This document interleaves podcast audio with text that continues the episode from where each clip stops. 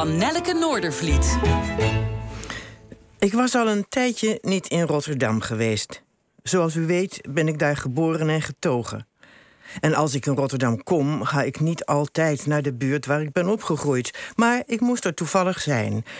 En toen overkwam me wat alleen gebeurt als grote verbazing je overvalt. Ik riep hardop tegen mezelf uit: Wat zijn ze nou aan het doen? Het Dijkzichtziekenhuis, sorry, dat ik elke dag zag op weg van huis naar school en omgekeerd, werd gesloopt. Het glas was uit de ramen geslagen, er lag rotzooi.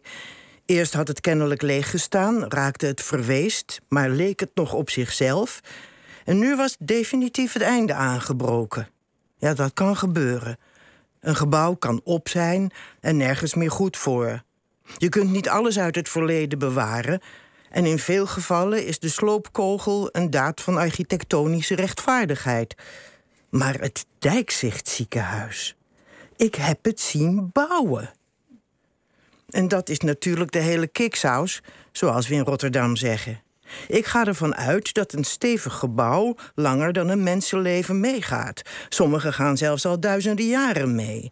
Ofwel het dijkzicht was een mislukking, ofwel ik ben echt oud. Ofwel beide.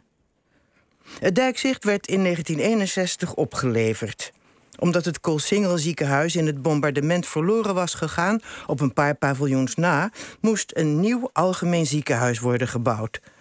Een tijdje werd overwogen het tegenover Diergaarde Blijdorp te bouwen, maar de nabijheid van het nieuwe vliegveld 16hoven, waarvan men heel wat verwachtte, zou te veel geluidsoverlast geven. Voor de dieren was dat kennelijk niet erg. Achteraf gezien hadden ze het gerust kunnen doen. Zestienhoven is bepaald niet de hub geworden die werd gedroomd.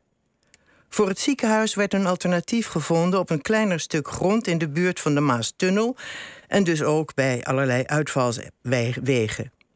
De commissie die de bouw begeleidde ging fijn in Amerika kijken naar goede voorbeelden. En het werd het nieuwste van het nieuwste. Een dubbele corridor met aan weerszijden kamers en in het midden behandelkamers, techniek en andere noodzakelijke voorzieningen.